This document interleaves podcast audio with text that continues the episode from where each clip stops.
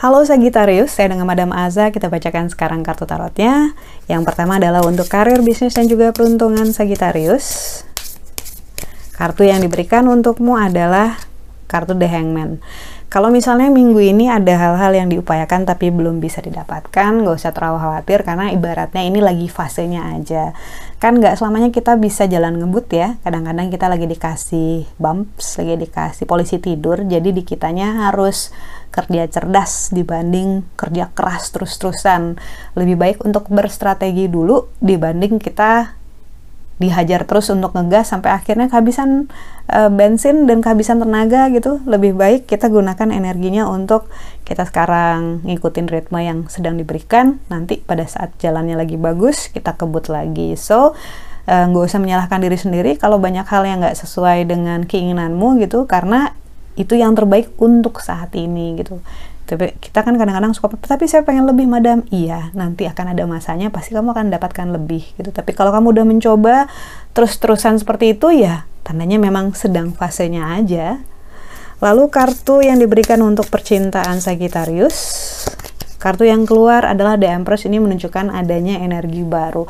Energi baru ini bisa jadi menunjukkan gebetan baru gitu ya, pasangan baru ataupun ada keinginan baru dari pasangan, mungkin yang sudah menikah ingin punya anak lagi gitu ya.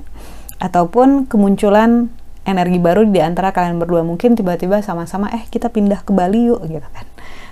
Ataupun eh kita melakukan ABCD yuk gitu atau kita liburan mendaki gunung entahlah gitu. Tapi energi baru ini insya Allah selalu menjadi hal yang bagus untuk percintaan.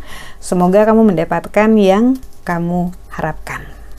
Nasihat yang diberikan untuk Sagittarius, kartu yang keluar adalah The Fool, taking a risk. Pada saat kita mengambil risiko, tentu saja diharapkan kita nggak gegabah dalam membuat dalam membuat keputusan tersebut gitu. Ngambil resiko hati-hati jangan sampai karena just just for the fun of it. Jangan karena eh seru aja nih ngambil risiko gitu ya.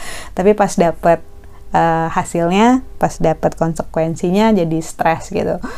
Nah kartu the fool tentang mengambil risiko seseorang yang berani meninggalkan zona nyaman untuk mendapatkan suatu hal yang dia idam-idamkan ini menunjukkan saatnya untuk memulai fase baru dengan dirimu sendiri.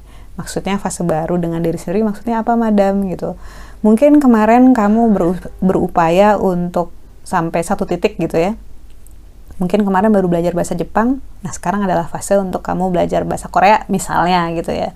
Jadi melakukan satu hal yang baru, melakukan satu hal yang berbeda untuk growth diri kamu sendiri dan tentu saja untuk kebahagiaan diri kamu sendiri gitu.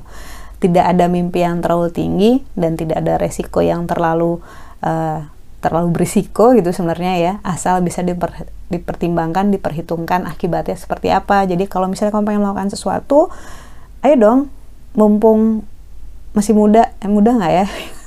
Yang nonton ini mumpung masih ada energinya dilakukan. Siapa tahu ada yang pengen nyoba beasiswa tapi belum berani karena ngerasa eh, nggak uh, layak sungguh kamu layak. Apa pun yang ingin kamu upayakan selama itu baik buat kamu dikejar saja Sekian bacaannya, semoga bermanfaat. Kita doakan yang terbaik saja untukmu. Semoga sehat selalu, panjang umur, kaya raya, bahagia, berkelimpahan segala hal yang baik dari Tuhan Yang Maha Esa. Terima kasih bantu saya dengan cara di klik like-nya, subscribe, share, dan juga komen.